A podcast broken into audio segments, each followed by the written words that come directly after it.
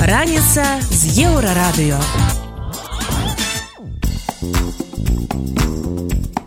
Добрай раніцы вітаем вас на еўрарадыё пачынаем праграму раніца з еўрарадыё штодзённае шоу пра важныя падзеі якія ўплываюць на жыццё беларусаў. Галоўнае на гэты момант айчынны аўтарынак. Якія машины набываюць беларусы? Покупка нового автомобиля это скорее роскошь для белорусов э, в сравнении с э, теми же поляками. Лекі даражэюць хутчэй за іншыя товары в реальности белорусской химии не существует. Поэтому все эти действующие вещества все эти активные которые собственно и лечат болезни они в любом случае поставляются из-за рубежа хто можа сёлета трапіць пад амністыю прынамсі зараз улады імкнуцца зрабіць такое ўражанне што вас гэта не закране палітычныя. Вы як сядзелі так і будете сядзець. Падрабязнасці неўзабаве.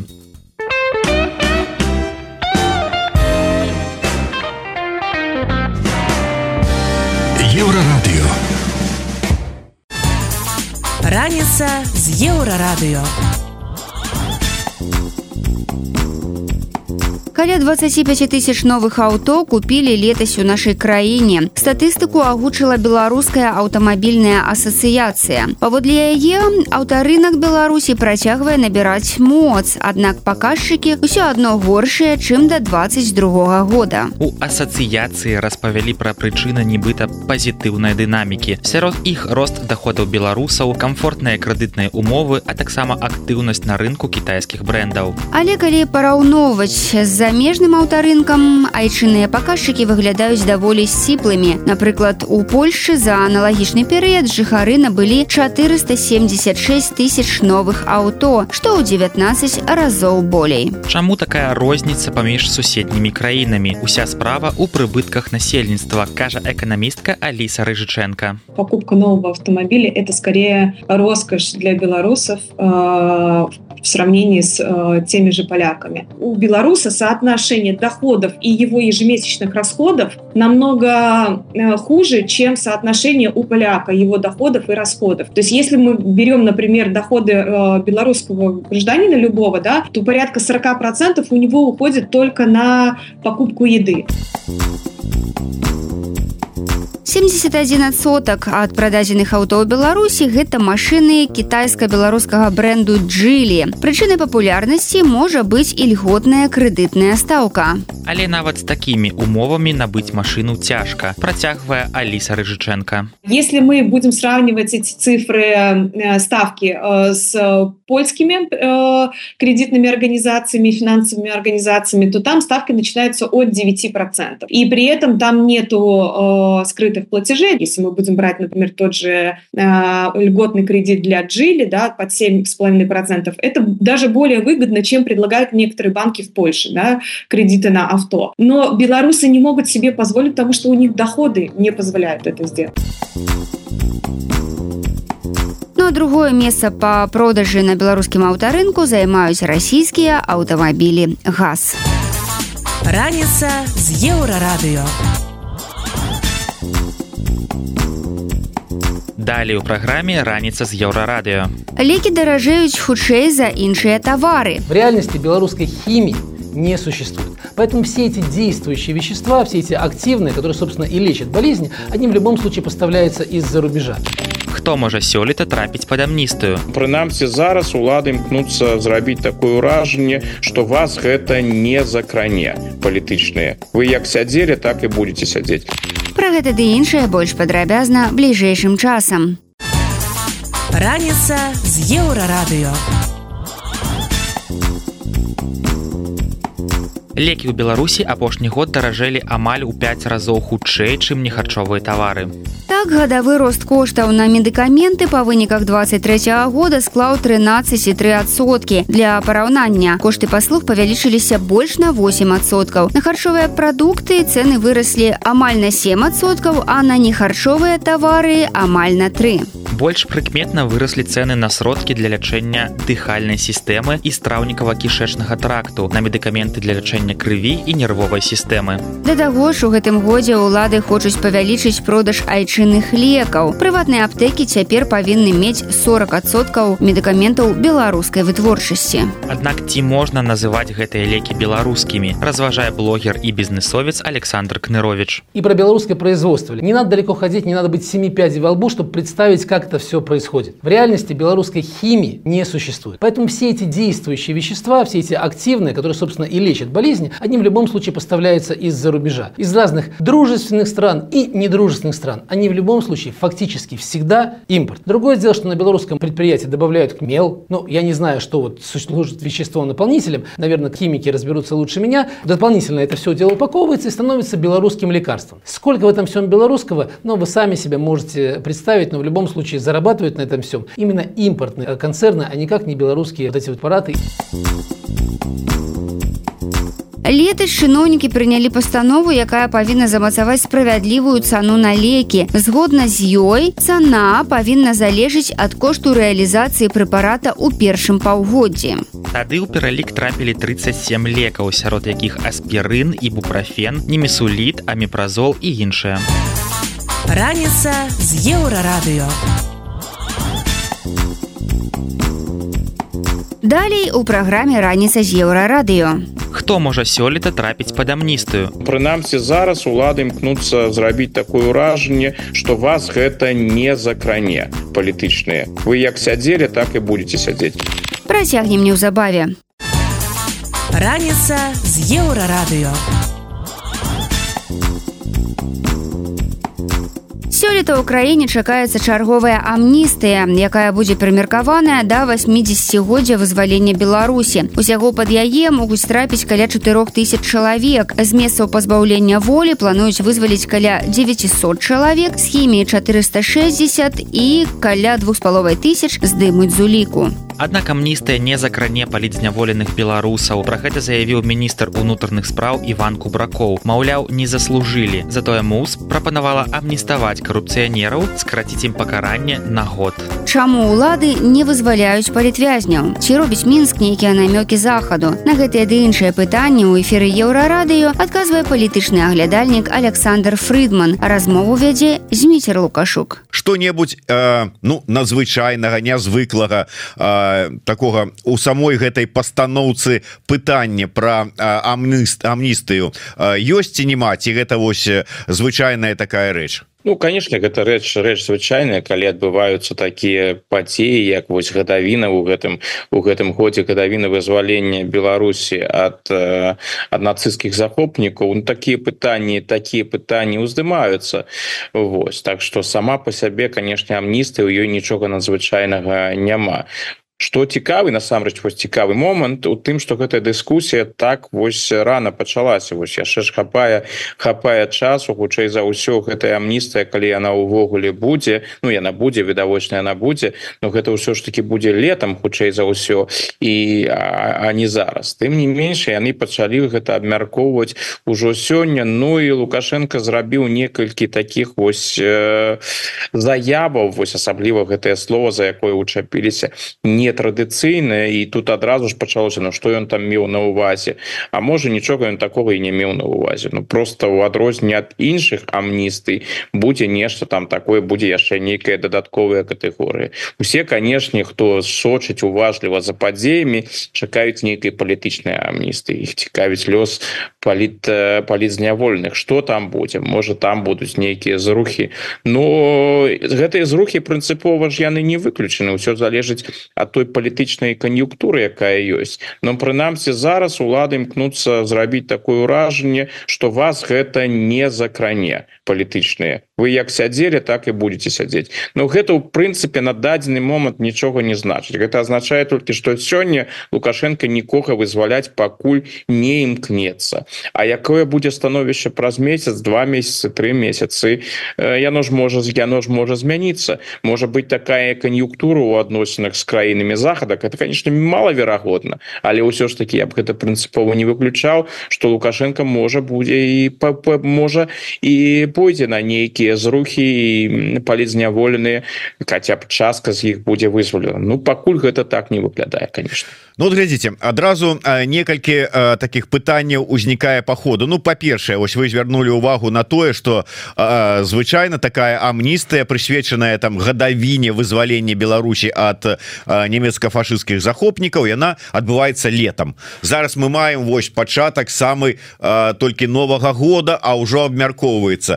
І адпаведна ўзнікае чаму? Які тут ёсць палітычна выбарчы контекст я так с намёкам? А можа тут і няма нічого гэта з чым это можа быть звязана Ну ён конечно конечно ён у гэтым сэнсе ёсць что вось вы ж працытавалі слушны Ягора Марціновича сапраўды кожны чалавек які знаходзіцца за кратамі у яго калі ідзе гаворка про амністыю яго з'яўляецца надзея. А можа і я змагу под яе потрапіць і тыя палітвязні якія сёння есть я ёсць они ж таксама дакладна разумеюць тое становішча у якім яны зараз апынуліся что магчымасці на таго ж захада калі увогуле паўплываць на беларускія ўлады каб іх вызвалі ну гэтых магчымасцяў амаль няма. А тут дзяржаўная прапаганда яна што першая. Менавіта тая дзяржаўная прапаганда тыя людзі якія знаходзяцца за кратамі якія ў іх там альтэрнатыўныя крыніцы інфармацыі. А там ім кажуць што вось будете сядзець до апошняга. Колькі атрымалі столькі і будете сядзець. Калі вось пачынаецца гаворка про амністыю то ўзнікае надзея Ну і адпаведна у адміністрацыі гэтых розных турмаў ёсць э, магчымасці ўплываць і казаць вось будешь себе паводзіць адпаведным чынам можаш потрапіць под амністыю зробіш то что там там от цябе чакалі напрыклад там выступіш перад на тэлебачанні скажаш что там раскаяўся что вось не трэба было там выходзіць у двадцатым годзе. І увогуле там лукашенко правільную палітыку праводзіць. Ну можа тады вырашыць цябе что вырашыць твой э, выпадак что ты потрапіш под амністыю Так что такая магчымасць конечно яны ёсць калі у людзей сканцэнтравана у руках уся ўлада яны фактычна могуць зрабіць з кожным усё что пожадаюць конечно гэта ўсё можна выкарыстоўваць з пэўнымі палітычнымі мэтамі Ну колькі ўжо было гэтых дыскусій про тое что вось будзе зроблена тое то і лукашенко пачне вызваляць гэтая дыскусія з двадцатого года вядзецца Ну ідзе кого тут асабліва вызвалілі мы ось некалькі разоў уже уже сёння прогучала гэтае слово палітвязні але глядзіце калі слухаць і прапаганду і лукашенко того ж самого які робіць вот такія во вочы такія празрыстыя як у цяляці нявіннага і кажу якія палітвязні? У нас няма палітычных артыкулаў у крымінальным кодексе. У нас ніхто по палітычных артыкулах не сядзіць. Гэта звычайныя крымінальнікі якія палітвязні і а, таму вот ці варта ў дадзеным выпадку звяртаць увагу? Палітвязні не палітвязні все ж по, по крымінальных артыкулах сядзяць Ну канешне калі мы вось так пачнем тоже таксама казаць мы ж будем тогда пераймаць рыторыку рыторыку режима не не, не навіть... я зараз про про іншае кажу. А вот мы ўсё ж таки делим вот умоўно кажучы по адны по адным і тым же артыкуле сядзіць відавочна паліты палітычны палітвязень і один конкретны крымінальнік. Но артыкул их один і той же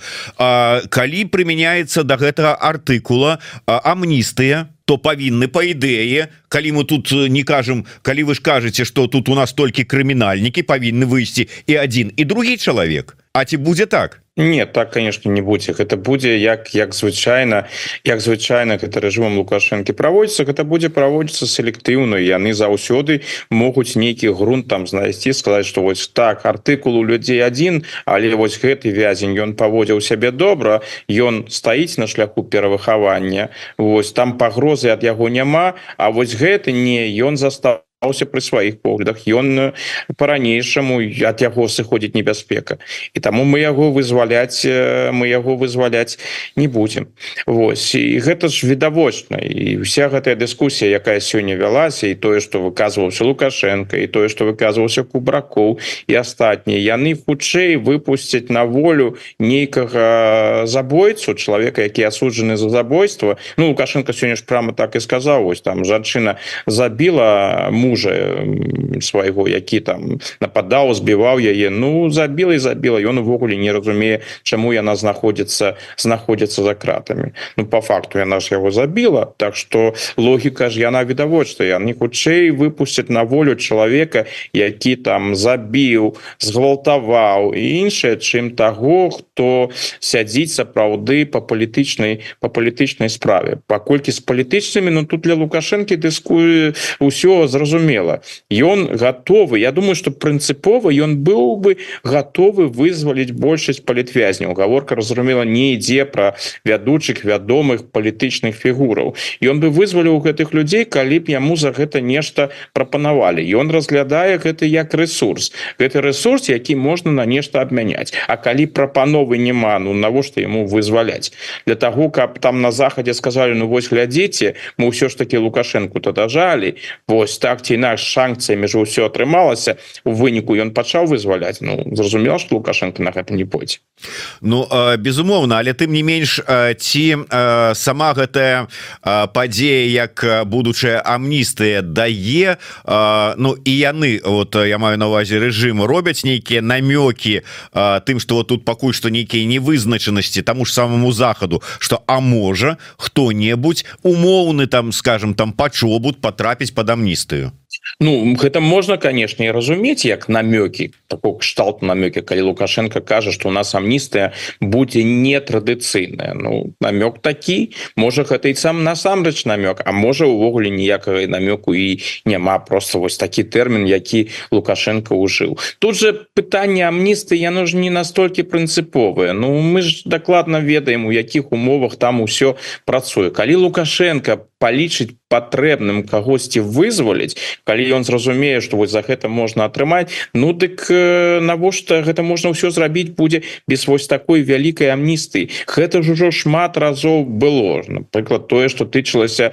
э, замежных грамадзянаў. Калі напрыклад там у мінулыя гады прадстаўнікі Швейцарый альбо Ізраіля з лукашэнкам размаўлялі і гэта тычылася грамадзянаў гэтых краінаў якія знаходзіліся за кратамі Ну дык знаў заўсёды заходзіла магчымасць гэтых гэтых людзей вызваліць і без там нейкай вялікай амністыі якая ў той год у краіне праводзілася.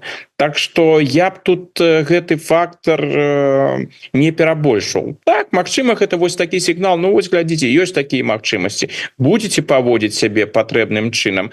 Будуць для мяне цікавыя прапановы могу выкарыстаць амністыю. Не будзе прапановаў Ну не будзе ніякай амністы ці будзе павялічвацца ціск на палятвязняў? Як савецкі стыль кіравання лукашэнкі ўплывае на рэпрэсіі? Працягваем размову з александром фрыдманам Дарэчы вельмі цікавы сёння такі паварот задаў у сваёй рубрыцы Сергей дубавец. Вот кожную раніцу ён адказвае на пытанні запытайся у дубаўца рубрыка у яго спыталіся. Праўда з іншай нагоды яшчэ вот про амністыю раніцай не было нічога вядома. Про тое что Зянон пазняк у чарговы раз звярнуўся да лукашэнкі каб вызваліў праявіў так бы мовіць нейкую там чалавечнасці яшчэ что-небудзь і вызваліў трох палітвязняў вязняў там шарэнду Івашына і яшчэ аднаго яшчэ аднаго. І пытаются ці магчыма такое? І дубавец кажа что разважаць про нейкую маральнасць чалавечнасць увогуле прадказваць дзейнай дзеянні гэтага рэжыма не выпадае. Кажа я баюся увогуле того что гэтыя імёны агучылі а там можа спрацаваць от адваротнага. Зраз вы гэтых людзей просіце вызваліць значыцца яны для вас каштоўныя і мы зробім так каб ім было яшчэ больш цяжка больш жорсткія для іх умовы утрымання будзем прыменем і я вот думаю зараз шмат развагаў про тое что а вот палітвязні хоць пэўная частка з іх можа потрапіць не можа потрапіць пойдзе рэжым на гэта не пойдзе рэжым на гэта. Якія зараз пасядзяць там вот вот гэтыя вот всякие кубраковы змагары с вітрынамі пераможцы іх і ўсе астатнія і і скажуць Ах вот так вот? Так мы зараз зробім так дэманстратыўна покажем что вот раз ты сядзіш за палітычную справу неважно по якім артыкуле то ты адмыслова покажем поставим на від что ты з-за гэтага і не не выйшаў по амністыі каб была вот по показ по, ну такая дэманстрацыя усяму грамадству. Мачыма такое? Ну конечно Мачыма Ну і акрамя того калі э, вось рэжым же дакладна разумее что калі там ідуць вось такія звароты звароты на ўзроўні палітыкаў мясцовых беларускіх палітыкаў я маю на увазе міжнародныя звароты. Гэта значыць гэта фігуры важныя для там нейкіх краінаў і увогуле для для часткі беларускага грамадства. Вось калі гэта так гэта подвышае іх каштоўнасці значыцца подвышае гэта агульны кошт. Я думаю что у лукашэнкі ў гэтым сэнсе ўсё досыць прагматычна у тым сэнсе прагматычна ёсць шэраг э, людзей сярод палітвязняў якіх ёсць ён разглядае як асабістых ворагаў. Яму важно что гэтых бы ты людзі знаходзіліся за кратамі каб яны знаходзіліся ў дрэнных умовах каб пра іх не было ніякай інфармацыі. І гэтай асобы нам у прынцыпе вядомы гэта і Миколай садкевич гэта і Віктор бабарыка гэта і Марыя калеснікова алесь бяляцкі і гэтак далей павел северынец. Так что тут вось, вось з гэтымі людзьмі ўсё зразумела. Тут я думаю дасягнуць нейкіх кампрамісаў з лукашенко можа і магчыма але гэта цяжка. І гэта будзе і гэта будзе ну адпаведна каштаваць.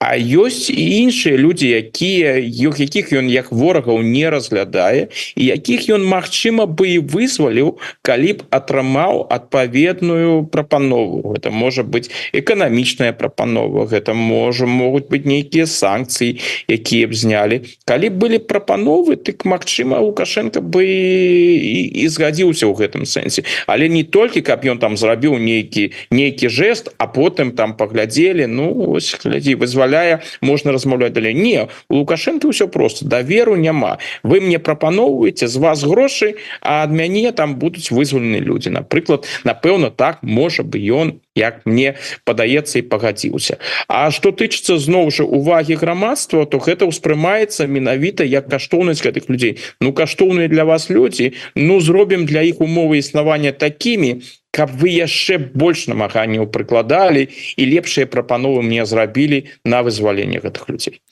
Яшчэ один момант які прогучаў сёння гэта про там чарговую пералапачванне вот конституцыю уже пералапацілі зараз вырашылі узяться за крымінальны кодекс і тут конечно прогучала такая фраза даволі цікавая про тое что ну у нас же зараз там нібыта ўсё там больш-менш на нармалізавалася у пытанні там правапарушэнняў. З імі там все там э, э, не страшно ўжо там их фактычна там нема такого вот э, нейкага хваліш шквалу і гэтак далей. Мачыма можна что-то там і перагледзець.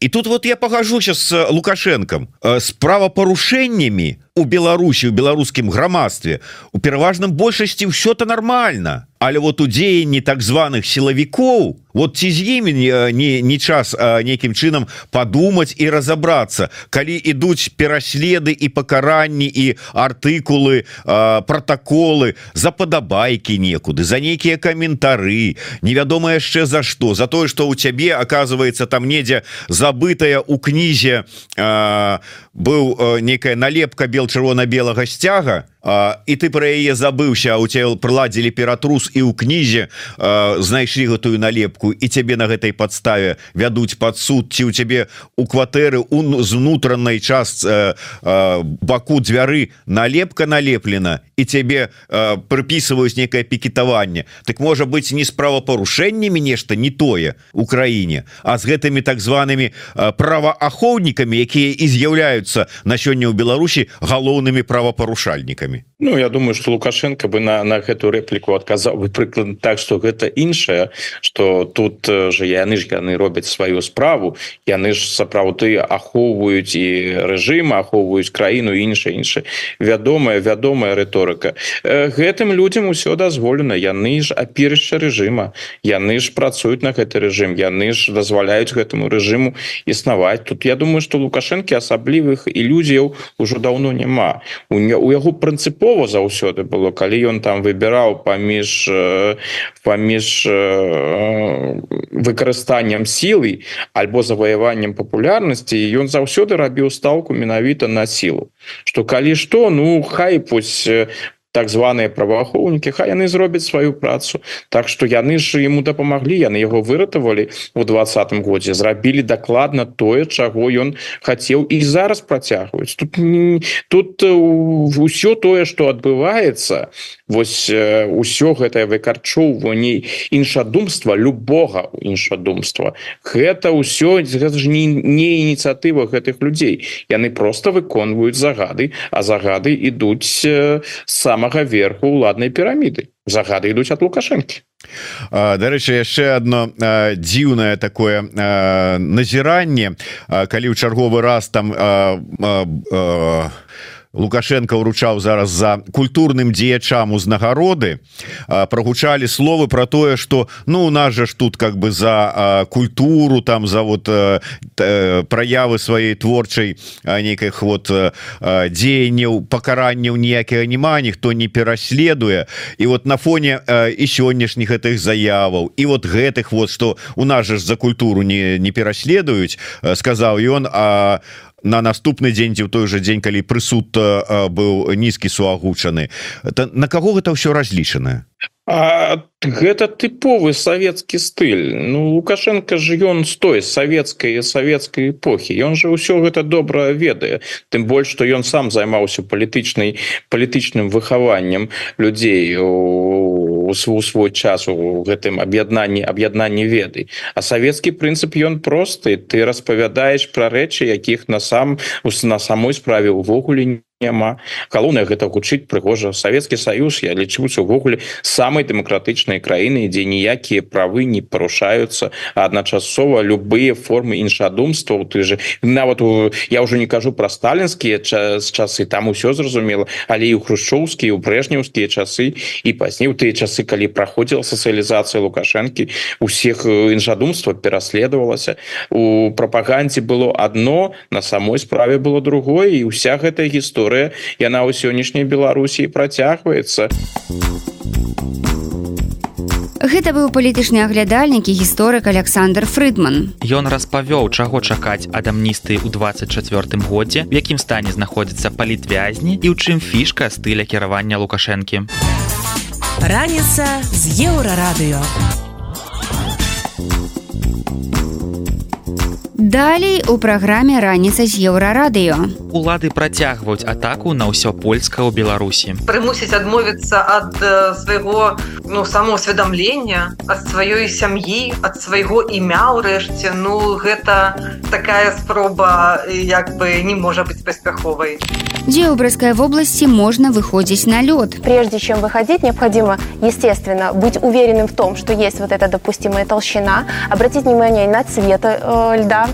Пра гэта больш падрабязна бліжэйшым часам. Раніца з еўрарадыё.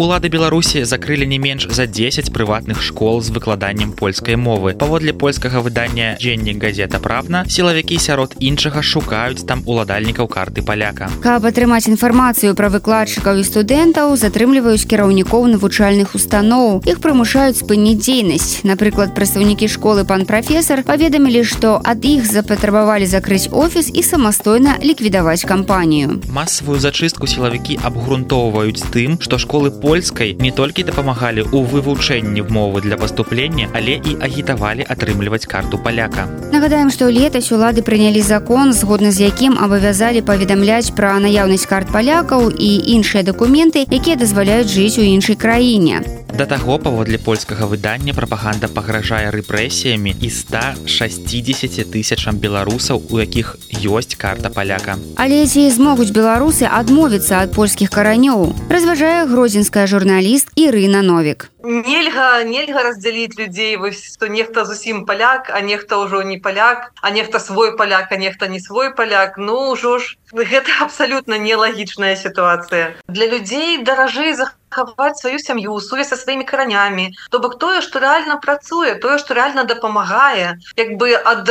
сваіх магілак сваіх дзядоў адмовіцца ну як бы гэта добром не канчаецца. Ведаеце вось тыя хто не помню свайго родства яны э, гісторыя нам подказвае что ніколі добра не э, сканчалі сваю гісторыю. Вось. І зараз паспрабаваць ізноў жа зрабіць усіх аднолькавымі як там усіх э, прымусіць адмовіцца ад свайго ну самоусведамлення ад сваёй сям'і ад свайго імя ўрэшце. Ну гэта такая спроба як бы не можа быць паспяховай. Ну а тое что постоянно змагаюцца і не могуць перамагчы гэтую сітуацыю ну значит так змагаюцца. Як бы сказали змагацца вось робяць выгляд что змагаюцца.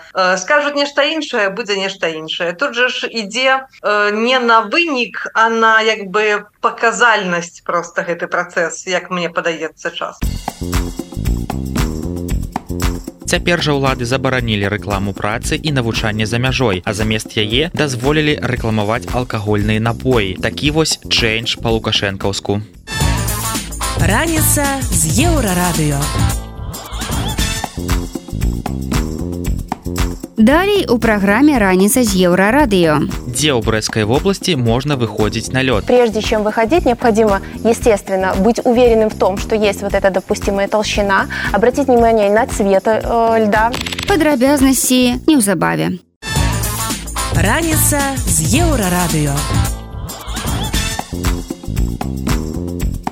Лёд на вадаёмах у брэскім раёне нетрывалы і выходзіць на яго небяспечна. Пра гэта папярэджвае таварыства ратавання на водах. У сярэднім па вобласці таўшчыня лёду складае ўсяго 4-5 сантыметраў. Спецыялісты кажуць, што на тэрыторыі рэгіёну ідзе актыўнае станаўленне лёду. Гэта калі вада замярзае нераўнамерна на розных участках ракі ці возера. Найтаўсцейшы лёд цяпер на вадаёмах у баранавіцкім столінскім кобрынскім раёнах, а самы тонкі на берасе сейшыне і піншыне. На азёрах з непраточнай вадой таўшчыня лёду ўжо большая за 7 сантыметраў. Гэта лічыцца нормай. Аднак на рэках яна яшчэ не адпавядае норме. Выхад на лёд у гэтых месцах вельмі небяспечны. Папярэджвае прадстаўнік асвод па рэгіёне Віталь Кулініч. Як зразумець, што выходзіць на замёрзлы вадаём небяспечна і якіх правілаў варта прытрымлівацца. Пра гэта распавядае прадстаўніца МНС Анастасія Швайбович. Да, действительно, это небезопасно. Я думаю, все мы видим то, что сейчас температура достаточно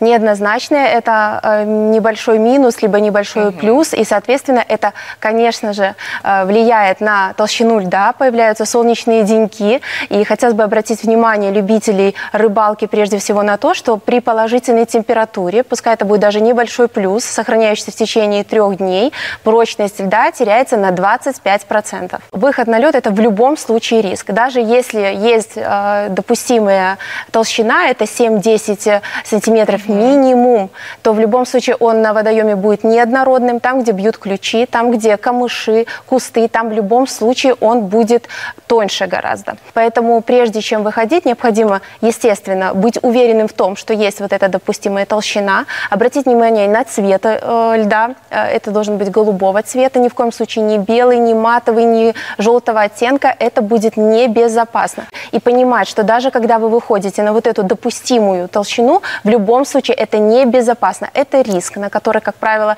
люди идут, э, увлекаясь хобби. И поэтому обязательно необходимо надевать спасательный жилет, который позволит вам остаться на плаву. Даже если вы э, провалитесь и что-то пойдет не так, это будет ваш шанс на спасение. И, конечно, хотелось бы обратить внимание, ни в коем случае не сокращать путь сейчас через водоемы. Это небезопасно. Особенно непонятно, когда это люди делают в ночное время. То есть мы понимаем, что визуально оценить, даже визуально, не то что проверить на прочность, а визуально оценить лед невозможно.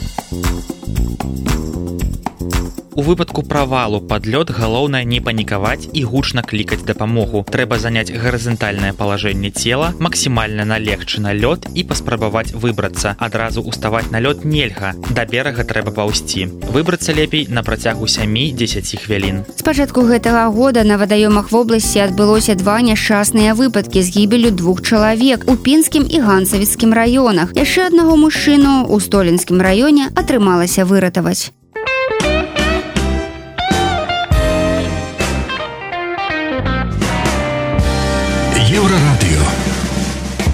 Раніца з еўрарадыё хутка працягнецца. Вас чакае яшчэ шмат цікавага. Не пераключайцеся.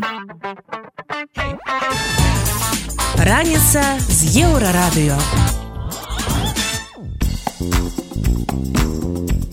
вяртаемся на еўрарадыё і працягваем ранішні эфір. Вы по-ранейшаму слухаеце раніцу з еўрарадыё. Інфармацыйнае шоу пра важныя падзеі якімі жывуць беларусы і іншы свет. І вось што цікавага мы распавядзем далей. Ці абрынецца беларуская эканоміка ў 24 годзе? Ну і возникает вопрос она действительно ли мы хорошо живем як падзеі на ўсходнім фронте адаб'юцца на беларусі і ўкраіне почнеться ескалація. Це вже насправді не складно здогадатися навіть не будучи військовым експертом. З чаго складаецца феномен поспеху агурковай сталіцы беларусі вёскі альшаны то людзі не сталі губляць свайго моманту і адразу включыліся ў гэтыя працэсы. Пра гэта ды іншае больш падрабязна цягам бліжэйшай гадзіны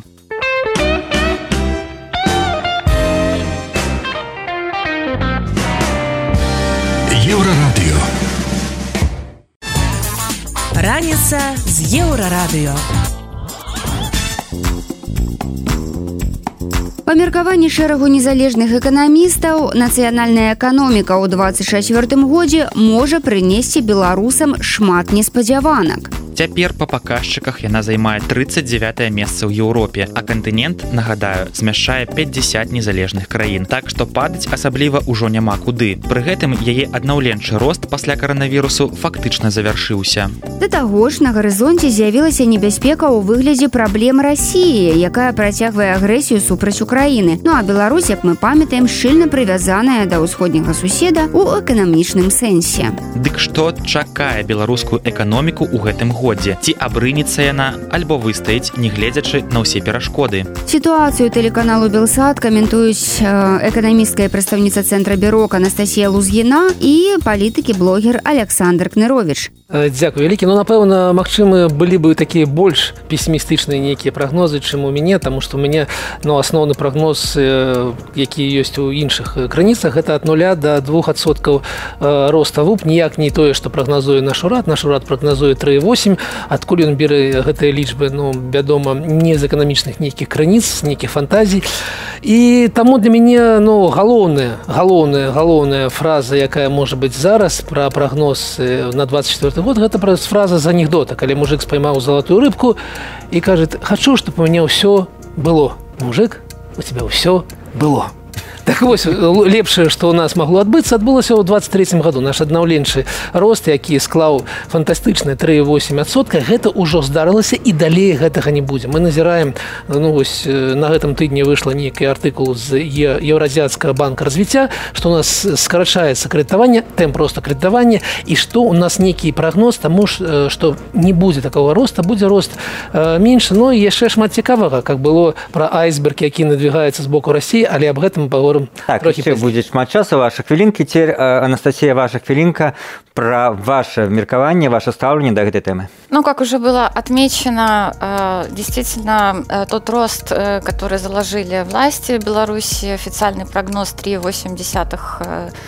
процента ВВП, конечно, вряд ли это сейчас на сегодняшний день, а возможно чисто по объективным причинам, потому что если в этом, извините, в 2023 году мы видели восстановительный рост на базе низкой базы 2022 года, то в 2024 году уже как бы экономика более-менее восстановилась, и как бы ее не стимулировали, ну, достичь вот этих вот заветных 3,8%, ну, в принципе, на мой взгляд, это, вряд, это нереалистичный сценарий. Што ж дзякуй і давайте нашим пытанням удакладняць пазіцыі шукаць ісціну Александр перш да вас. Разумееце наши гледачы да івогуле там сацыяльных сетках людзі могуць ну скажем так крытыкаваць незалежных эканамістаў што маўляў яны все сваё жыццё можа быть вы за аб'ектыўных прычынаў не так часто але ну напрыклад там іншыя як Ярослав романчук даволі часто прадвішаюць нейкія радыкальныя правалы абвалы а яны не здараюцца что не так? Чаму беларуская экономика все ж пасля нейкага падзення як было в 20 там другим 23 нейкі аднаўленчы рост ёсць і она зноў такі як ванька встанька вяртаецца на нейкі хаця б нулевы ўзровень а такога правала як ну можа быть нават палітыкі чакалі што правал паспрыяе дэмакратычным пераменам вось гэтага няма Ну па-першае спадар Віталій ніколі не гаварыў пра тое, што эканоміка павінна падаць і падаць так, што будзе дэмакратычныя перамены. Я магчыма памыліўся прагнозе на 23 год мне был прагноз каля нуля здарыл здарылася 38 і аб гэтым можна паразмаўляць. Але калі глядзець цалкам ну то па-першае эканоміка Беларусі знаходіцца на зусім нізкам узроўні развіцця. Таму падаць далей не вельмі шмат куды па-першае па-другое у нас моцны прыватны сектор у нас прыватны сектор ну по розным ацэнкам можна казаць ад 40 до 60соткаў эканомікі але гэта сектор які добра адаптуецца к тым умовам які змяняюцца але некаторыя эканамісты прыбачце спрачаюцца з гэтымі працэнтамі што на самой справе частка гэтага рэальна прыватного сектора де-факто звязана з уладай на такі полупрыватна таксама гэта гэта гэта пытанне пункта гледжання з якого пункту гледжання мы его паглядзім але цалкам даже тапу зідзесці алексін ці шакуцін все ж таки гэта прыватныя прадпрымальнікі якія просто ну набліжаны да ўлады у яго есть да гэтага есть маральныя і іншыя пытанні Мачыма пытае пытанне з крымінальнага кодекса але гэта прыватныя прадпрымальнікі апошнім часам рэжым узяўся за рэгуляванне прыватнага сектара паслуг бізнесоўцы пасля два -го года зусім расчаравалі лукашэнку які вырашыў скараціць іх колькасць у краіне Гэта адлюстравалася ў новым больш жорсткім законе аб прадпрымальніцкай дзейнасці і істотным павышэнні падаткаў для прыватнага бізнеса. Ці знікнуць іх пэшнікі з Беларусі як клас у хуткай будучыні і чаму не растуць заробкі ў бюджэтнай сферы. Зноў слухаем Анастасію Лузгіну и Александра Кныровича. Мне хотелось бы вот э, спросить у Александра по поводу, так как вот он как раз специалист в этой сфере, по поводу, на его мнение, все-таки исчезнут у нас те же индивидуальные предприниматели, которых на протяжении уже нескольких лет так пытаются гоняют, гоняют и все, либо же все-таки вы считаете, ну, э, и вообще, может быть, в этом и есть смысл там перейти в юрлица, а, вот, или э, есть какие-то надежды, что все-таки этот класс сохранится у нас. Да, нечаканное пытанне. Калі мы глядзі, глядзім на лічбы, то мы назіраем, як адбываецца скарачэнне індывідуальных прадпрымальнікаў. У нас на максімуме было 273, напэўна, тысячы, а зараз мы ўжо ўжо згубілі там больш здаецца мне больш за 15 тысяч. Але калі мы глядзім на гэтыя ж самыя лічбы мы разумеем што яшчэ падаць падаць і падаць што яшчэ как бы людзі ўсё ж такі гэта гэты працэс мае некаторую інерцыю і таму я бы казаў што былі разлікі аб тым што колькасць індывідуальных прадпрымальнікаў можа скараціцца ў два разы але не зусім сысці. Все ж таки там застаюцца тыя віды дзейнасці якія магчыма займацца. Таму напэўна я буду абгрунтов ну аб абгрунтую гэты адказ вось гэтымі лічбамі но на напэўна там мінімум гэта там 130-140 тысяч у эканоміцы. Але мы павінны разумець што калі мы параўноўваем тое колькі індывідуальных прадпрымальнікаў беларусі і колькі іх у польскай эканоміцы мы разумеем што розніца ў некалькі разоў. І што патэнцыял патэнцыял вельмі вялікі менавіта ў гэтай галіне менавіта у малым бізнесе он далі на данном выпадку у форме індывідуальных прадпрымальнікаў. І канешне как бы вось гэта жа жаданне задушыць прадпрымальнікаў заставіць іх плаціць больше і так плаціць як юрліца. Ну гэта не не для нашага ўзроўня развіцця. Мачыма калі мы былі бы на ўзроўні развіцця францыі мы маглі бы павышаць падаткі маглі бы там нешта патрабаваць. 40 процент ну так так так так. А мы на том на том э, пункце калі наша асноўная мэта была бы развіваць вуп расціць каб каб усе рабілі тое што яны могуць таму што мы пакуль яшчэ вось на дне амаль на дне балота Про ваше про дно футбол на болоте вельмі яркая метафора э, Александр. Ну и я вот хочу может быть падтрымаць э, ваш ну скажем оценку того что в целом адбываецца беларускай эканоміцы паколькі ну трэба звярнуць увагу на тое что в десятым годзе лукашенко шел на выборы с гэтымі э, загадкавымі і гэтымі сакральнымі лічбамі 500 даляраў. І зараз 24 уже год мы близко от этих 500 ну там под 600 ну фактычна то бок за 14 гадоў беларусі заробак стаіць на месцы сітуацыя калі в кожнай краіне рост был за гэтые 14 гадоў два в тры разы в еўрапейскіх нават развітых краінах 50 70 процентов і пры гэтым людзі кажуць а у нас няма крызісу у меня для вас для вас дрэнныя но навіны. По по долару таксама была інфляцыя мы лічылі без уліка 23 года амаль 35соткаў таму рэальным реально мы зараз мы падаем пажываем меншым десятым годзе так, так, доходы так, насельніцтва в далярах. Так. і гэта можа быть самое как бы галоўна калі кажуць людзі што нічога не адбываецца страшнага няма развалу так хіба гэта не развал Анастасия, вы не, не, не, не згодны будете? Ну, я бы, как экономист, скажу, что, конечно, не совсем верно э, переводить... Только доляры брать, так? Э, так, только доляры брать, потому что э, у нас изменилась... Во-первых, у нас э, изменилась валютная политика, да, то есть курс у нас совершенно сейчас, в принципе, свободный, там, с минимальными вмешательствами Центрального банка. И мы видим, что он может как в одну сторону прыгать, так и в другую. И, соответственно, в этом случае зарплата будет прыгать в долларах то в одну, то в другую. Хотя на самом деле ну, ничего не поменялось внутри экономики. Э, самый правильный способ – это, конечно, смотреть на реальную зарплату, как она изменяется, то есть она падает, либо снижается. Но здесь у нас тоже есть проблемы. способность. Проблемы есть. Я, что... пробачьте, я, Анастасия, пропоную показник, пробачьте, что перебил. Э, доля тых расходов, какие люди... На харчевание? На, на харчевание, а, да, так. Да. Там 39-40 отсотков, когда мы Оно поглядим. ну, примерно. Я считаю самое. Она Э, да, совершенно верно. И, э, ну, а если говорим про уже про зарплаты и сравниваем их там, например, в долларах или в евро берем, то да, это можно делать, ну, например, конечно, например, в сравнении с Польшей, да, той же, да, либо там, я не знаю, Литвой. И здесь э, не в нашу пользу все. Вот, и уже одно это, вот если мы просто сравним, даже вот не говоря там, как росло, ну, там, в 2010 году, в 2015 году зарплата, просто посмотрим соотношение белорусской зарплаты и польской зарплаты. Ну и возникает вопрос, э, действительно ли мы хорошо живем. А з намі была эканамістка і прадстаўніца цэнтра бюрок Анастасія Лузгіна і палітыкі блогер Александр Кнырович. Эксперты паразважалі, якія выпрабаванні чакаюць беларускую эканоміку ў 24 годзе, ці абрынецца яна пад цяжарам санкцыяў і які лёс нападкае беларускіх прадпрымальнікаў, з якімі сёння фактычна змагаецца рэжым. Раніца з еўрарадыё. Далей у праграме раніца з еўрарадыё. Як падзеі на ўсходнім фронте адаб'юцца на Беларусі і ўкраіне. Почнеться ескалація. Це вже насправді не складно здогадатися, навіть не будучи військовим експертом.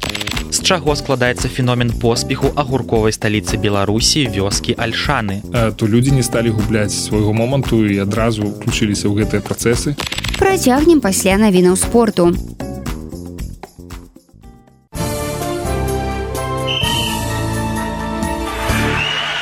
На еўрарадыё навіны спорту. Сталі вядомыя саперніцы беларускіх тэнісістак на Аўстраліян Open. Вікторыя Заранка ў першым раўндзе сустрэнецца з камілай Джорджы з Італіі, а Александра Сасновіч з іспанкай рэбекай Машаравай. Дзейная чэмпіёнка адкрытага чэмпіянату Аўстраліі Арына Сабаленко даведаецца сваю саперніцу пазней. Сусветная федэрацыя тэквандо дазволіла допуск беларусаў і расіян у нейтральным статусе. А вось сусветная федэрацыя кёрлінга палічыла іх вяртанне на міжнародныя спаборніцтвы перадчасным і прыцягнула адхіленнем. Санкцыі адбіваюцца, яны ўплываюць і на матывацыю гульцоў зборнай Беларусі, заявіў галоўны трэнер мужчынскай беларускай гандбольнай зборнай Юрый Шаўцоў. Беларускі гандбол знаходзіцца пад санкцыямі ўжо амаль два гады. Шаўцоў кажа, што нават у такіх умовах трэба працягваць нешта рабіць, піша трыбуна. Беларускі хакеіст ігар Мартына ўзгуляў свой 200 матч у КХл. Ён дэбютаваў у 2019 у складзе мінскага дынама, цяпер выступае за расійскі клуб авангард. Міжнародная федэрацыя хакея часова адхіліла Ізраіль ад міжнародных спаборніцтваў па меркаваннях бяспекі, яе кіраўніцтва прыняло такое рашэнне пасля уважлівага разгляду і на аснове ацэнкі рызык. Ізраіль працягвае змагацца супраць тэрарыстаў, якія летась здзейснілі маштабную тэрарыстычную атаку. Гэта былі навіны спорту на еўрарадыё, заставайцеся з намі. Раніца з еўрарадыё. Thank you. Сёння ўсім відавочна вайна ва ўкраіне перайшла ў пазіцыйны стан. Ні ў войскаў крамля ні ўзброеных сілаў украіны няма цяпер дастатковых ресурсаў і сілаў для змены сітуацыі на фронте сыходзячы са справаздачы пра глобальныя рызыкі апублікаваны напярэдадні саміту сусветнага эканамічнага форуму у давосе падзеі ва ўкраіне могуць два наступныя гады балансаваць паміж эскалацыяй і замарозкай. Пры гэтым расклад сілаў перыядычна будзе змяняцца. Так Росія не нягледзячы на санкцыі патэнцыйна можа павялічыць прыбытак ад экспарту сыравіны а Еўропа і ЗША могуць скараціць падтрымку Украіны і яе саюзнікаў. Якую з гэтых рызык можна лічыць самай небяспечнай? На гэтае пытанне выданню радыёвабода адказалі дырэктарка цэнтру новых ідэй леся руднік і украінскі палітолог Яўген Магда. Вядома я думаю что самы горшы сцэнары гэта замарозка украінскага украінска-расійскага канфлікту гэта замарозка войны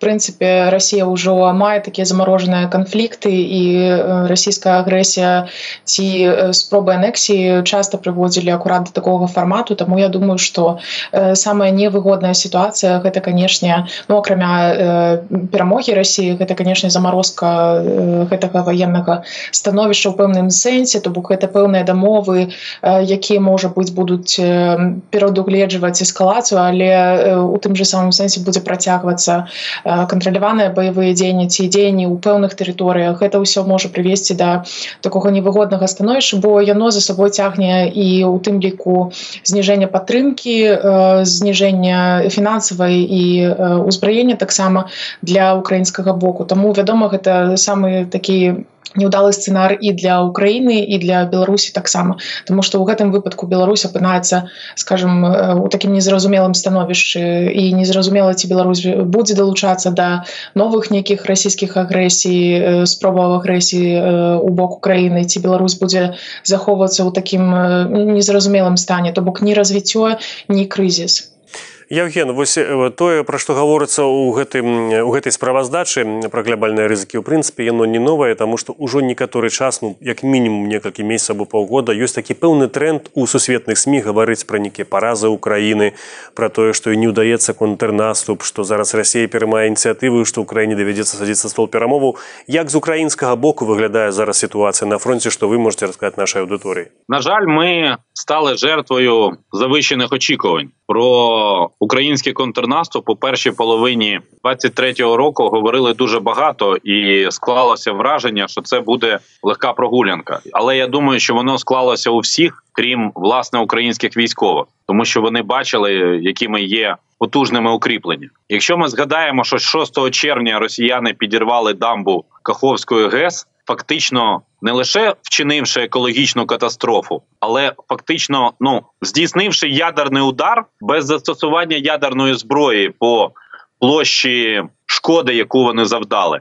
То ми розуміємо, що росіяни готувалися до більш активних дій України. Сказати, що Україна зазнала якихось невдач, ну можливо, вона не зуміла реалізувати ті очікування, які були так. В цьому сенсі є є цей фактор, але є інший фактор, що захід не поставив зброю в такій кількості, як він обіцяв, і з мільйона снарядів, які обіцяв Європейський Союз у березні сакавіку е, 23-го року, поставити за рік. Україна отримала тільки 300 тисяч. Тобто Європа не готова до війни. А Сполучені Штати, які мають найпотужніший арсенал, який є арсеналом демократії в світі, вони просто не готові постачати Україні так багато зброї.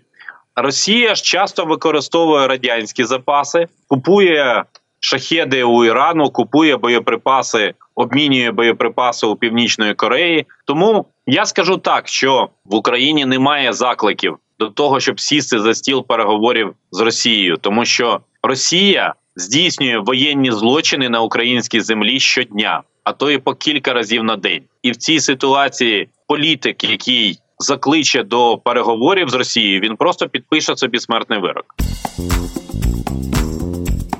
2024 год можа стаць выпрабавальным для ўкраіны еўрапейскія саюзнікі так і не пачалі пастаўкі зброю у патрэбным усу аб'ёме а падтрымка ад ЗША галоўнага хаўрусніка Украіны патэнцыйна можа быць згорнута. Калі падчас прэзідэнцкіх выбараў перамогу атрымае Дональд Трамп які заклікае амерыканскіх грамадзян да палітыкі ізаляцыянізму. Як такі негатыўны сцэнар можа паўплываць на беларускі рэжым яго унутраную і знешнюю палітыку? І што будзе з офісам владимира зяленскага у киеве. Зноў разважаюць леся руднік і Евген махда Ну і сапраўды гэта адна з адно з наступстваў якое варта чакаць ад любых любога развіцця ў прынцыпе падзею чым дажэй ідзе вайна тым больш яна становіцца паўсядзённасцю для людзей якія жывуць на тэрыторыі беларусі. Тым больш расце прага да таго каб дыстанцыявацца ад гэтых падзеяў ад гэтых навінаў.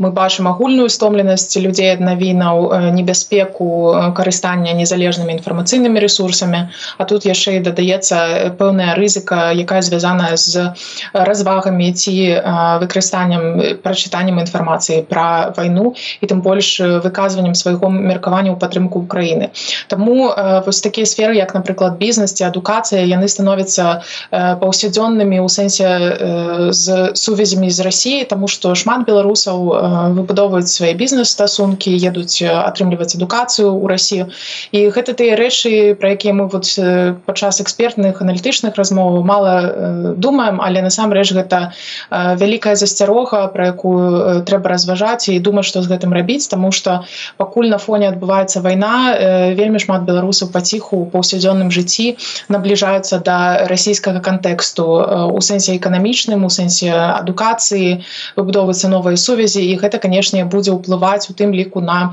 пэўнае палітычнае меркаванне другая рэч звязаная з інфармацыйнай павесткай то бок з ростам прарасійскіх наратываў у беларускіх дзяржаўных медыа таких вось ідэалагічных наратываў якія раней сустракаліся не так часта. Вядома што расце колькасць людзей якія становяцца ахвярамі гэтых наратываў. І канчатковым эфектам тут будзе яшчэ большая палярызацыя беларускага грамадства. Па вось лініі геапалітычных меркаванняў але таксама геапалітычных прэферэнцый. Усё больш беларусаў я не думаю што значна але будзе магчыма расці колькасць беларусаў якія будуць больш стаяць на баку рассіі у гэтым канфлікце канфлікце і гэта канешне узмацняе палярызацыю што з'яўляецца нашмат больш складаным і доўгатэрміновым эфектам вось развіцця падзею ва ўкраіне на Беларусь Евген А ці ёсць змена вось такой сацыялогіі заўважная ва ўкраіне у адносінах напрыклад да прэзідэнта зеленска да ягонай палітыкі вы згадалі пра тое што той палітык які прапануе такія перамовы з рассіяй ён гэта будзе для яго канец. Але зараз шмат гаворыцца пра тое што давер да владимира зеленскага нібыта падае. Наколькі гэта наколькі праўду ў гэтых словах увогуле? Бо ён такога не прапановвае каб садзіцца і дамаўляцца. Так зеленскі такого не прапануе. Але я б сказав, що є достатньо успішне російське рефлексивне управління українським порядком денним всередині країни. Наприклад, Україні практично нав'язали дискусію в 20 в минулому році про необхідність проведення виборів в Україні. Цього зрештою не сталося, і це добре. Так, це добре. Я не є прихильником Володимира Зеленського, я не є його виборцем, але я вважаю, що Україні важливіша перемога ніж вибори. А проводити вибори президента, який є верховним головнокомандувачем в країні, що воює, це означає ставити під сумнів дуже багато дій, які зроблені діючим верховним головнокомандувачем. І це шлях в нікуди. Це дуже серйозна криза. Той, на мою думку, штучний конфлікт між Валерієм Залужним, головнокомандувачем збройних сил, та президентом Володимиром Зеленським. Він потребує швидкого вирішення. Мені дивно, чому Володимир Зеленський та його оточення не усвідомлюють того, що нам потрібна справді консолідація. На мою думку, 23-й рік став для України роком усвідомлення того, що війна триватиме довго, і вона не закінчиться за 2-3 тижні. Це рік прощання з ілюзіями. І це треба робити реально, предметно, конкретно. А якщо ми будемо е, далі думати в парадигмі такої, так, такої, що ми всіх переможемо легко, і все ну то це, це на жаль не зовсім так, тому що Росія має набагато більше ресурсів людських, матеріальних. А санкції проти Росії, хоча і запроваджені заходами, є дуже масштабними, але попри це, е, вони ну дійсно є, е, я б сказав, такими, що не завдають Росії суттєвої шкоди. І є ще один момент, на який не звертають увагу західні аналітики. Це момент виборів 24-го року, щонайменше виборів до Європарламенту, виборів у Британії, виборів у Сполучених Штатах, президентських та виборів до Палати представників, і виборів Путіна, можна їх так назвати, хоча їх офіційно будуть називати президентськими виборами всередині березня цього року. Я впевнений, що Путін не лише отримає найвищий результат за всю історію участі у виборах, але російські окупанти будуть проводити, ну так як вони це вміють, проводити вибори на окупованих територіях України. А сьогодні окупована найбільша територія в Європі після Другої світової війни. І виникає питання, наприклад, до країн Сімки, чи вони визнають результати цих виборів? На мою думку, це дуже серйозний виклик всім, хто готовий говорити про те, що давайте домовлятися з Путіним. До середини березня Путін буде обіцяти що завгодно. А після після так званих президентських виборів почнеться ескалація. Це вже насправді не складно здогадатися, навіть не будучи військовим експертом. А мы слухали украінскага палітолага Яўгена Магду і дырэктарку цэнтра новых ідэй Лесю Руднік. Эксперты паразважалі аб тым, як недастатковая пастаўка заходняй зброі ўкраіне і зацягвання вайны адаб'юцца на рэжыме Лукашэнкі ў Беларусі і ўрадзе Владзіміра Зяленскага ва ўкраіне. Раніца з еўрарадыё. Далей у праграме раніца з еўрарадыё. Чаго складаецца феномен поспеху агурковай сталіцы беларусі вёскі альшаны? То людзі не сталі губляць свайго моманту і адразу включыліся ў гэтыя працэсы. Працягнем пасля навінаў шоу-бізу.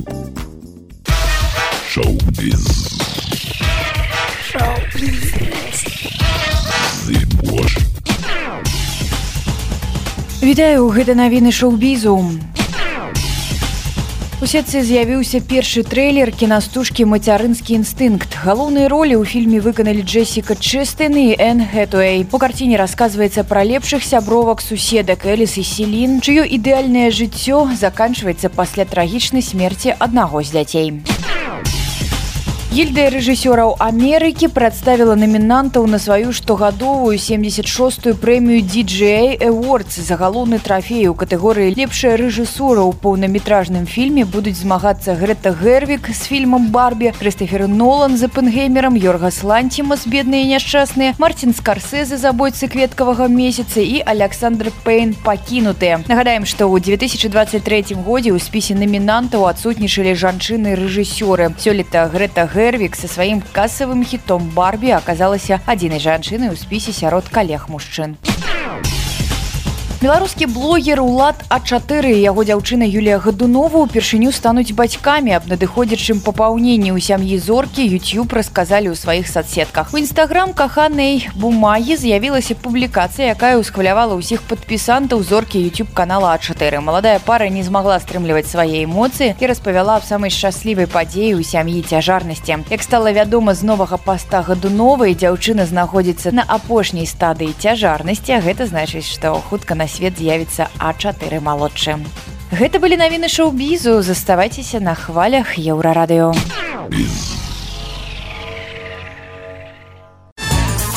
Раніца з еўрарадыё.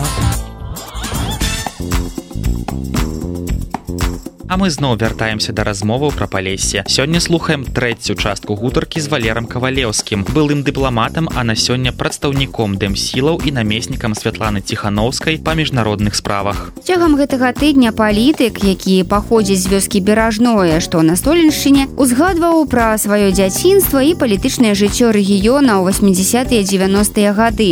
Сёння ён патлумачыць сваё разуменне характару палішакоў яго яскравых рысаў а таксама узгадае пра прыроду свайго краю. Слухаем размову палітыка з еўрарадыо А якія палішукі вось по-вашаму я ведаю што мы у партыя што мы такія э, смешныя працавітыя. А вы журналіст Алексей дзекавіцкі таксама з палесе калі вы ведаеце.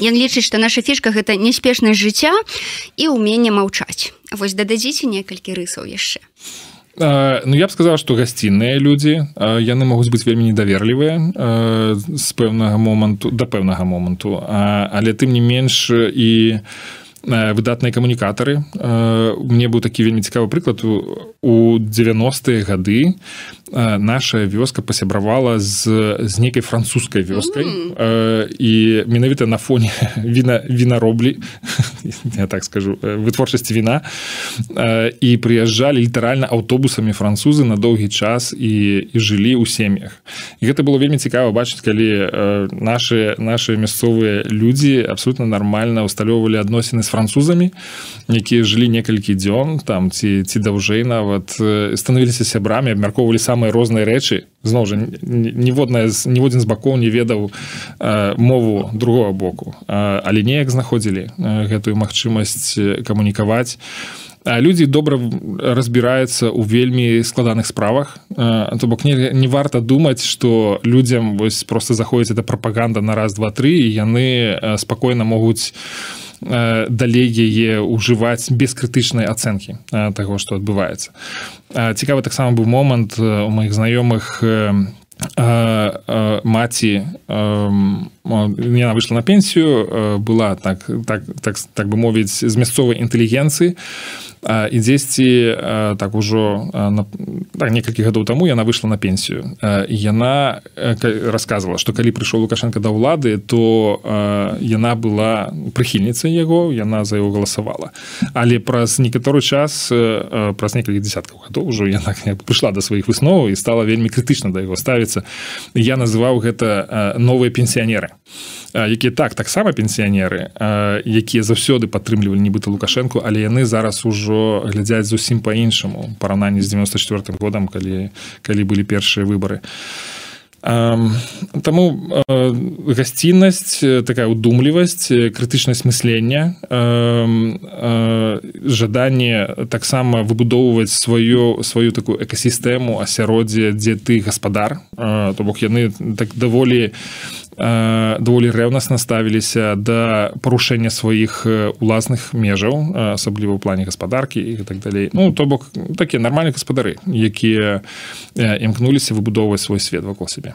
Валерый вось столеншчына яна ж такая відаль відаць такая найбольш раён найбольш такі багністы і рэк там больш за ўсё вось як гэта як вы звязвалі сваё жыццё з гэтым? То бок там рыбалка паводкі гэта это ж все ўплывала відаць. Так абсалютна. Зараз гэта ўжо так забываецца трохі але сапраўды паводкі былі такія што падыходзіць бо беражное стаіць трошки на ўзвышшы побач з гарынню але і, і нас не вельмі моцна падтаплівала большую частку вёскі але некаторым заставалася за гэты час.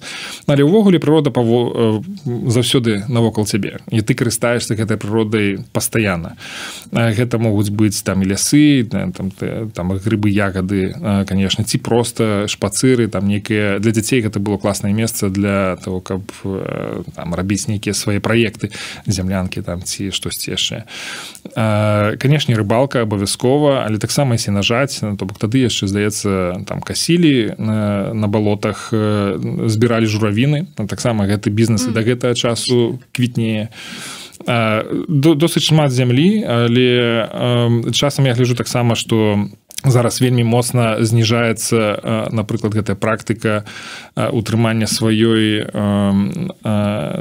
там хатняй жывёлы напрыклад. Да. тэндэнцыя ідзе. Да это становится уже эканамічна просто невыгодна mm -hmm. там трымаць сваю карову там і надаваць ей столькі часу пасці яе по летом некалькі разоў за лета. Это даволі складаная зараз задача значна прасцей пайсці ў краму купіць тое самае. Ну, то бок нейкія працэсы адбываюцца такія яны я думаю таксама нармальныя арганічныя все ж таки мяняецца это уклад эканамічны адной з самых вядомых вёсак столеншчыны справядліва лічыцца вёска альшаны. Яна не толькі самая вялікая ў беларусі а там жыве прыкладна 8 тысяч чалавек але і адна з самых прыбытковых яшчэ ў сярэдзіне дзясятых вуп на душу насельніцтва вёскі быў як у фінляндыі а самі альшаны дагэтуль называюць агурковай сталіцай краіны. Вось як валеры кавалеўскі тлумачыць феномен гэтай паспяховай вёскі. Як вы можете патлумачыць феномен альшанаў? Гэта ж столенскі раён самая вядомая такая пратэстанцкая вёска ў беларусі ну і бадай самая багатая вёска ў беларусі. Так. Я думаю что тут два чыннікі важны это пратэстанцтва якое трымае людзей у такой досыць не сказаць жорсткай дысцыпліне але людзі сабе не дазваляюць напрыклад ужываць алкаголь. То бок яны нацэленыя на вялікія сем'і. Але пры гэтых вялікіх сем'ях вельмі мала зямлі у калгасе. І людзям трэба было неяк выдумваць нейкія варыянты для того каб выжываць пракормліваць сваю. Мне рассказывала моя бабуля что там яшчэ у 60 70 годы яна неяк трапіла туды на вяселле. Ну і там літаральна было вельмі вельмі бедна вельмі бедна. То бок людзі жылі вельмі сціпла але калі прыйшлі 80-е гады калі адкрылись адкрыліся нейкія новыя магчымасці для новай эканамічнай дзейнасці то людзі не сталі губляць свайго моманту і адразу включіліся ў гэтыя працэсы. А тады яшчэ вельмі папулярным было вось гэта трансгранічны гандаль з з Польшай найперш. Uh -huh. вельмі шмат людзей прыязджалі сюды. На калі у Польшы быў крызіс такая досыць складаная эканамічная сітуацыя то попытам карысталіся літаральна ўсё што можна было прывесці і ўсё ўсё сходзіла то бок людзі пачыналі ўжо такія распачыналі прадпрымальніцкую дзейнасць з такіх вельмі вельмі простых формаў але вельмі пераканаўчых і калі ты адчуваеш што ты за за кароткі час можаш зарабіць шмат грошай так непараўнальна шмат са сваімі прыбыткамі то то гэта канешне падштурхоўвала далей мы со свайго боку таксама 80-е гады пачалі такія лёгкія прадпрымальніцкія ты актыўнасці. То бок паездкі ў Польшу так это одно але таксама у іншых вёсках столенска раён таксама пачалі вырошчваць гуркі як гэта рабілася і ў вальшанах. І у мяне таксама быў свой досвед у нас таксама была эта цепліца парнік гэты я свае гуркі вазіў у Львоў напрыклад да і прычым мы былі яшчэ непаўнагадовымі мы ўжо выязджалі туды ў Львов это ўжо былі пачатак 90 цягнік здаецца праз вас там не так, так? з гарыні да Львова. Ага. і мы туды ездзілі бралі па некалькі мяхоў просто самастойна ездзілі там з сябрамі і прадавалі на львовскім рынке рынку. І але альшаны ў гэтым сэнсе яны пайшлі значна далей. Я думаю што менавіта іх вось гэта упартасць працавітасць вялікія сем'і дзе яны зрабілі гэта фактычна такімі сямейнымі бізнесамі якія давалі вельмі шмат прыбытку. Яны таксама надалі нейкую такую дынаміку гэтаму працэсу калі альшаны былі не проста вытворцам гуркоўці сельскагаспадарчай гэтай прадукцыі яны сталі таким эканамічным хабам. Калі раней яны вазілі гэтыя гуркі там у петрозаводску смаленску у піцер у, у москву то пасля адтуль сталі прыязджаць да іх закупшчыкі і купляць ужо на месцы. То бок яны развернулі вось гэты свой бізнес яны яго вывелі на, на нейкі новы ўзровень Ну і цяпер калі прыехаць у вальшаны ты заўважаеш што гэта абсалютна некае асаблівае месца менавіта як вёска як эканамічны такі месца для эканамічнай актыўнасці Таму яны у адрозне ад многіх іншых вёск вёсак столенскага раёна яны змаглі перайсці на новы ўзровень і, і гэтыя рэкорды яны пабілі не адзін раз. Ну, так мы былі дарэчы аднойчы у камандароўцы ў альшанах і наведалі вяселле у парніку. Божа да. ну гэта сапраўды ўжо па-багатаму там я не ведаю чалавек 300 парнік ну ўсё просто супер але без алкаголю. Да, у нас такія таксама вяселі былі по 200 по 300 чалавек это было нормально прычым два дні. Там спачатку у невесты пасля ў жаніха гэта адбываецца і таксама выкарыстоўвалі парнікі на потом ўжо готовы шалаш. Гэта такая у прынцыпе традыцыя рэгіянальная так, так это рэгіянальная традыцыя але у нас яна была з алкаголем. Так. Гэта быў валерый кавалеўскі намеснік святланы ціханаўскай па міжнародных справах. Палітык паразважаў пра характар палішукоў і патлумачыў з чаго складаецца поспех вёскі альшаны. Ну, заўтра мы працягнем гутарку. Кавалеўскі ўзгадае пра калядныя традыцыі столеншчыны паразважае пра мясцовыя гаворкі распавядзе як варта падтрымаць палесе у новай беларусі.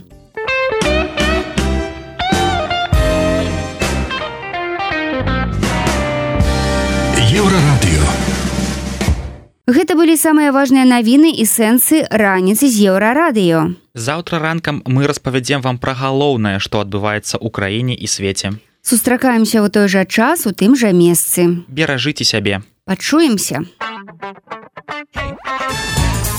Раніца з еўрарадыё.